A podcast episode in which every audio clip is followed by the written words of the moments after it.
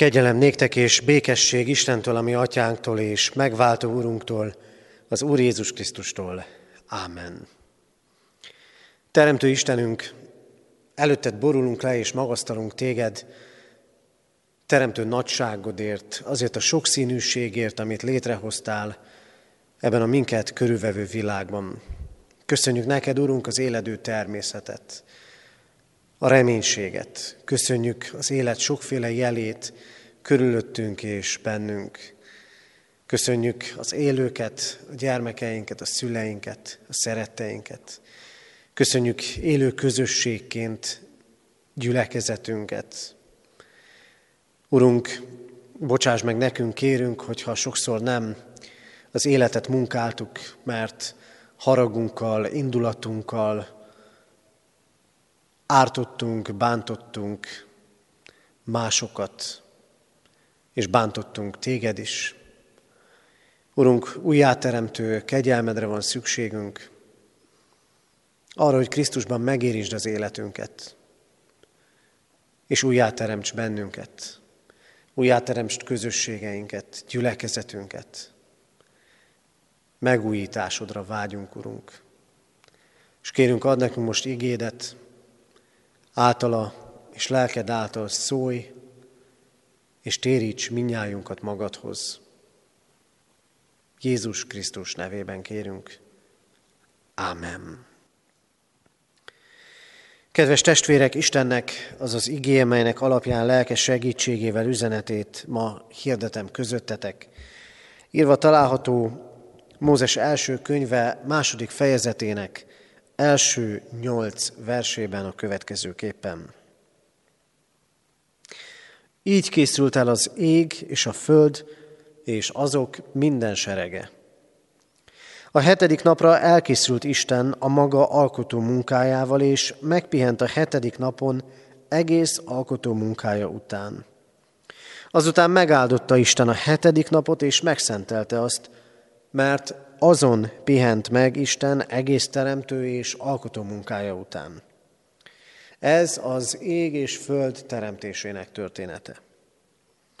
Amikor az Úristen a földet és az eget megalkotta, még semmiféle mezei fű nem volt a földön, és semmiféle mezei növény nem hajtott ki, mert az Úristen még nem bocsátott esőt a földre. Ember sem volt, aki a földet megművelje. Akkor forrás fakadt a földből, és mindenütt megöntözte a termőföld felszínét. Azután megformálta az Úristen az embert a föld porából, és az élet leheletét lehelte az orrába. Így lett az ember élőlény. Ültetett az Úristen egy kertet Édenben, keleten, és ott helyezte el az embert, akit formált. Szeretett testvérek, Mózes első könyvének nagyon ismert része van ma előttünk, a teremtés történet egy szakasza. Nem fogunk most arról beszélni, hogy teremtés történet vagy evolúció. Hosszú viták vannak már az egyház és a tudományos világ mögött ebben a tekintetben. De egy dolgot mindenképpen szeretnék leszögezni, azt, amit már a konfirmációra készülve megtanítunk a fiataloknak, az, ami itt előttünk áll ezekben a bibliai szakaszokban, az nem tudományos elmélet, hanem hitvallás. Egy olyan hitvallás, ami arról szól, hogy az Isten a teremtő. Hogy minden kezdet tőle származik. És ez a mi hitünk egyik sarokköve, hogy nem magától, nem csak úgy a semmibe dobottan éljük az életünket, hanem minden az Isten kezéből származik. Tőle indul. Tőle indul az élet. Kegyelméből és teremtő akaratából indulnak meg a források, és áztatják a földet, és születik meg nagy gazdagságában az egész élővilág. És igen, az Istentől indul az ember élete is. Ezek a napok, az elmúlt napok hírei nyomán arról fognak szólni, hogy lassan az élet sok területén az indulás apró jelei látszódhatnak majd. Újra indulnak dolgok. Hogy milyen következménye lesz, nem tudjuk még. Azt sem tudjuk, hogy Isten tisztelet lesz-e egy hét múlva. Lassan indul minden. Nem tudjuk, milyen hatása lesz.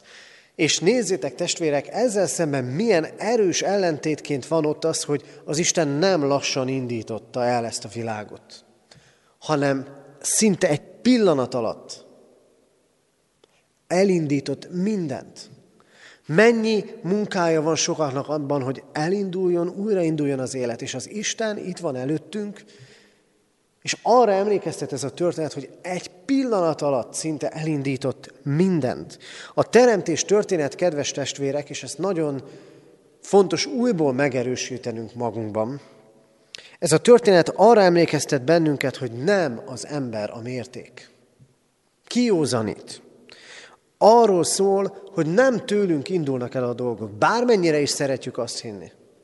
Magánemberként is, akár kormányzati tényezőként, akár a világ uraiként is. Nem emberektől indulnak el a dolgok. Mondják, a világ nem lesz olyan, mint volt. Hogy nagy változások, akár radikális változások fognak következni. Kedves testvérek, Isten nélkül semmilyen komoly változás nem lesz ebben a világban. Az Isten nélkül nincsenek gyökeres változások. Csak istentelen változások, de nem gyökeres változások. És nem lesz olyan a világ, mint volt. A kérdés az, hogy Istennel vagy nélküle lesz más ez a világ. A legkomolyabb változás éppen ezért, kedves testvérek, és ezt adja elnénk ez a történet is, hogyha végre belátnánk azt, ez lenne a legkomolyabb változás, hogy nem az embertől indul minden. A legkomolyabb változás az az lenne, ha belátnánk azt, hogy nem az ember a mérték, nem én vagyok a mérték, hanem az Isten. Mert tőle indul ki az élet. A mai igényben három dolgot szeretnék továbbadni, amit az Úristen a szívemre helyezett. Az első az, hogy újraindulásunkban nagyon komolyan kellene vennünk az alkotás és a pihenés egységét és ritmusát. Az alkotás és a pihenés egységét és ritmusát.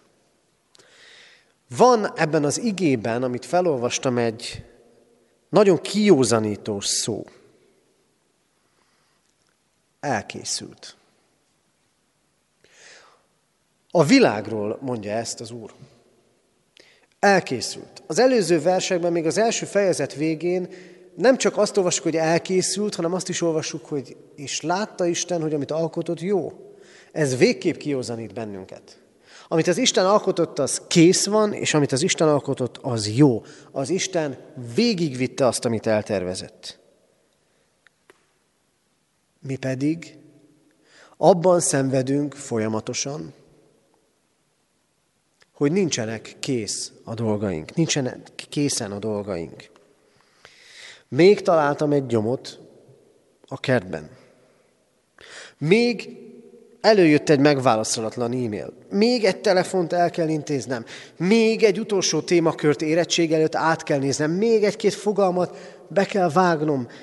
És tudunk mondani ilyen még egyet, és érezzük, hogy nem vagyunk készen. Nincs az életünknek olyan területe, amelyre azt mondhatnánk, hogy kész, azt lezárhatjuk.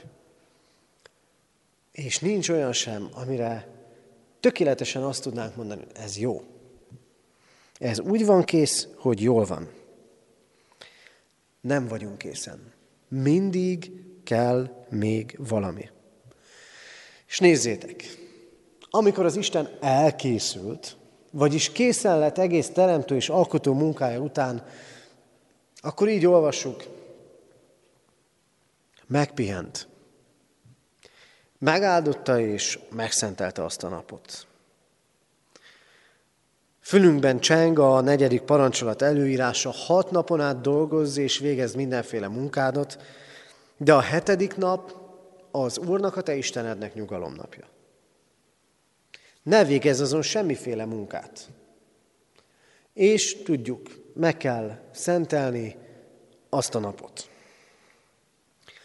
Nekünk a parancsolat már nem azt mondja, hogy amikor kész lettél minden munkáddal, majd akkor szenteld meg a következő napot az Istennek, mert soha nem lesz Istennek szentelt napunk akkor. Hanem dolgozz, tedd a feladataidat, de jöjjön el az a nap, és jöjjön el minden héten az a nap, amikor félreteszed.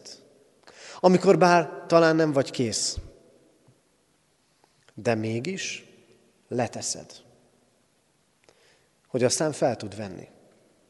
Újult erővel és energiával. Igen, kedves testvérek, le kell tennünk a munkát. Le kell tennünk ezt a túlfeszítettséget, amit talán még most a kiárási korlátozások idején is élünk a mindennapokban. Mert, hadd mondjam ezt, az ige világosan rámutat arra, hogy ez bűn. Bűn és Istennel szembeni engedetlenség az, ha nem tesszük le a munkánkat. Ha nem hagyunk fel alkotó tevékenységünkkel. Azt üzeni számunkra az Úristen igéje ma, hogy pihennünk kell. Hogy meg kell állnunk. Most talán néha jobban sikerül. De nem az történt-e, történik -e ezekben a hetekben, hogy más munkánkat, munkákat vettünk a nyakunkba. Időt kell szánni magunkra. Időt kell szánni a családunkra. Időt kell szánni arra, hogy feltöltekezzünk. Mert ez az Isten rendje. És Isten és önmagunk elleni bűn az, ha nem így teszünk. És igen, ezt a megáldott és megszentelt napot nem csak pihenéssel kell töltenünk, hanem az Úrnak szentelt idővel. Isten tiszteleti közösséggel és imádsággal. Szent időként odaadva az Úrnak. Hogy növekedjék a hitünk. Hogy ami a mindennapok munkájából munkái közepette és alkotásai közepette ránk ragadtak, abból lelket tisztítóan és Szentlélekkel lelkesülten tudjunk tovább menni. Igen, talán ezek a napok már arról szólnak így, hetedik vasárnap óta, hogy nem találkozunk gyülekezeti közösségben, hogy könnyű elfelejteni hogy több energia szükségeltetik ahhoz, hogy leüljünk igehirdetést hallgatni, imádkozni. De testvérek, ez az ige erre hív most bennünket. Szétszóratásban is. A találkozások hiányával. Igenis, szánjuk oda az időnket ma is az Istenre. Sok minden nincs kész az életünkben.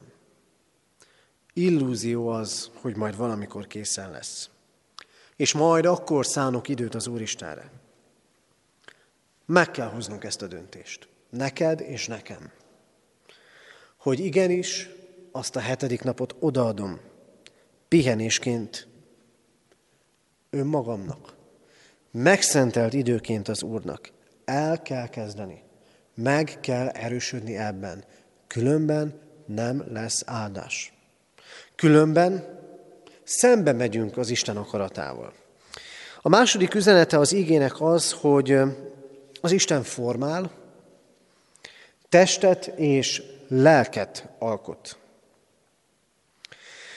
Ma úgy tűnik, az érték az eredmény.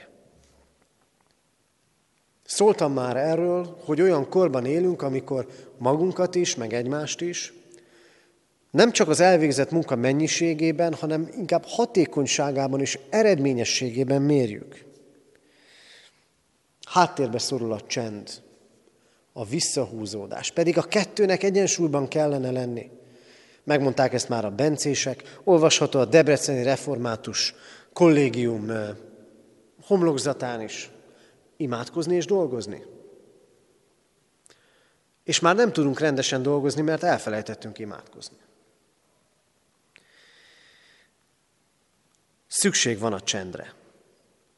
Mert nézzétek, hol van ebben a történetben az ember? A teremtés történetben hol van az ember? Nem úgy van, hogy az Isten először megalkotja az embert, és maga mellé veszi, és azt mondja, hogy gyere, csináljuk együtt. Mekkora illúzió ez, hogy majd mi együtt csináljuk az Istennel a dolgokat.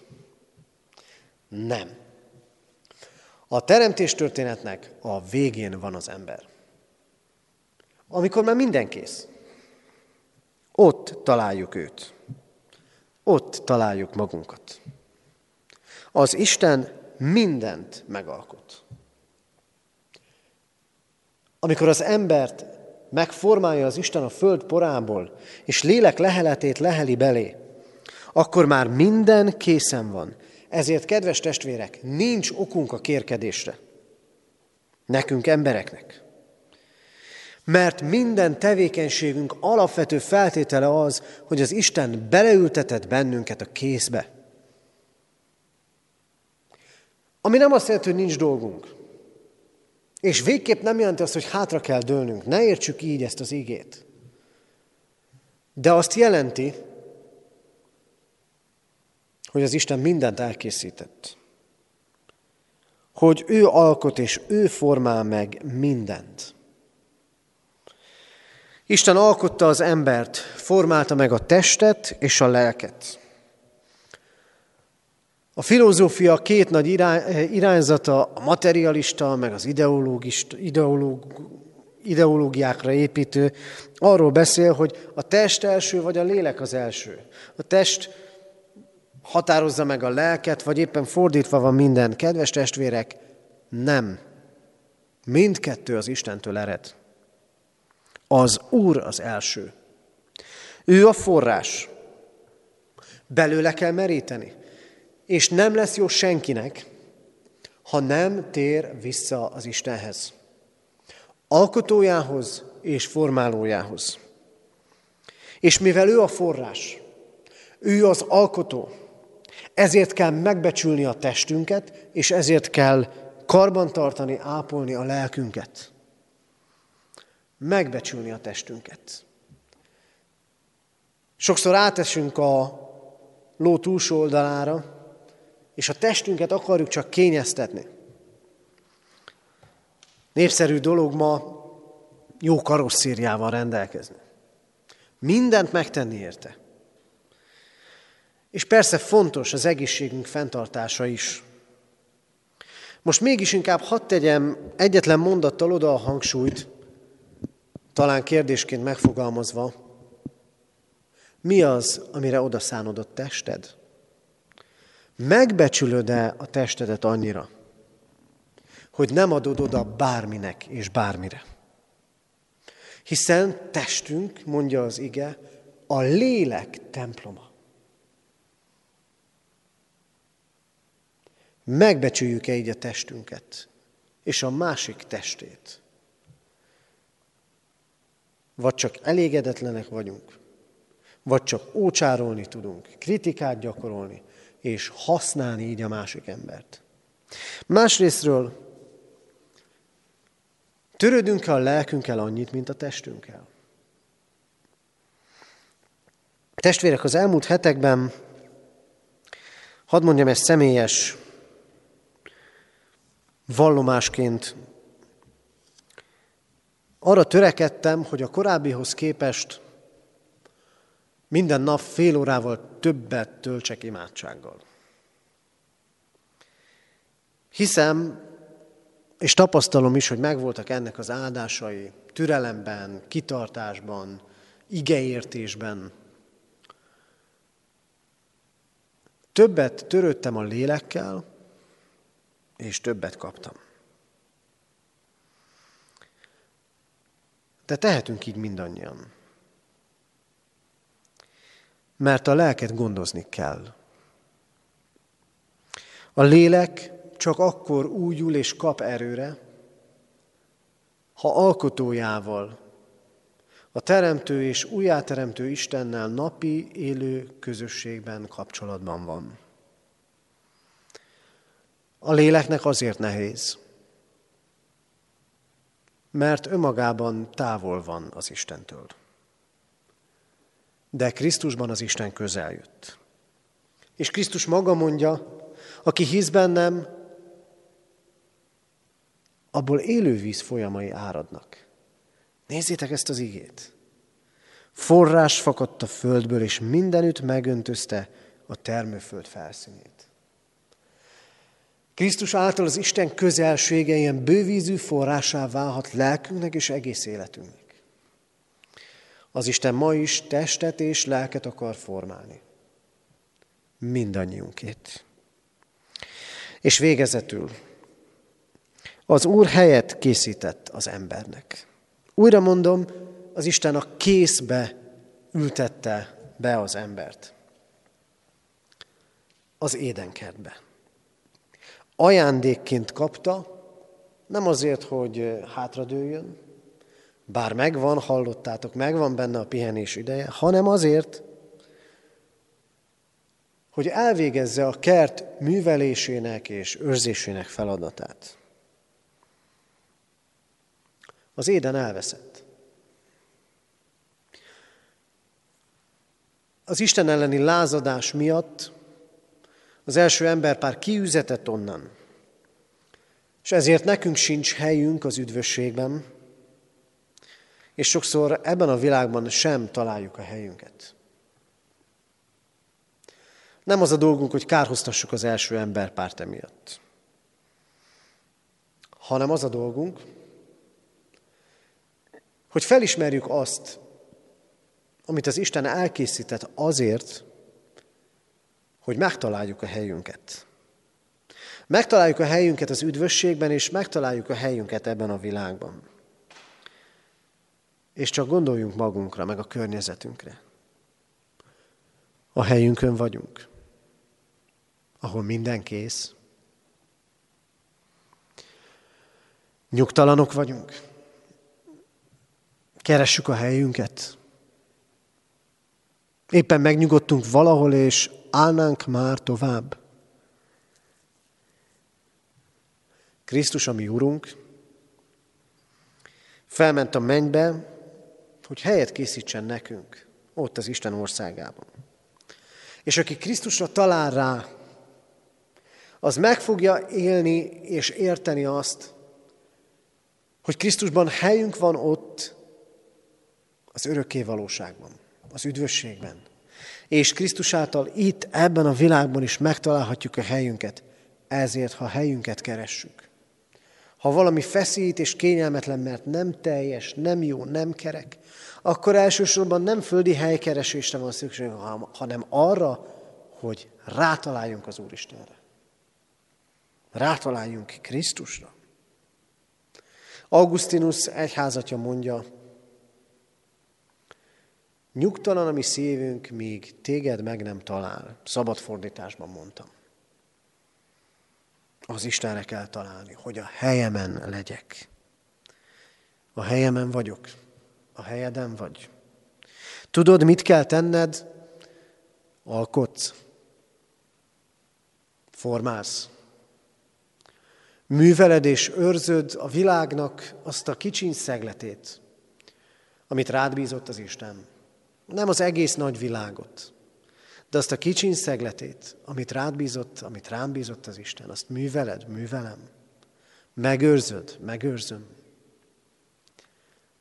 Azért készített helyet az, helyet az Isten maga mellett, hogy megtaláljuk így önmagunkat és megváltásunkat, és feladatunkat ebben a világban. Kedves testvérek, a teremtés történet egy hitvallás a Teremtő Istenről. És a legnagyobb változás, aminek be kell következni az életünkben, az az, hogy eljutunk oda, hogy Isten az első, és az Úr a mérték, nem pedig én magam. Mert az Úr alkotott, és aztán megpihent. Mert az Úr formált, mert az Úr készített helyet. Neked, nekem, mindannyiunknak. Ezért törekedjünk erre. Törekedjünk az alkotás és a pihenés ritmusára. Szálljátok oda a vasárnapotokat az Istennek. A megállásra, a ráfigyelésre, magadra és a családodra, de elsősorban az Úristenre, hogy ezek mind a helyükre kerüljenek. És igen, adjuk a lelkünket az Isten kezébe, hogy formálja, hogy újjáteremtsen. És keressük őt, hogy helyünk legyen majd az ő országában, és helyünk legyen itt, ebben a földi világban is.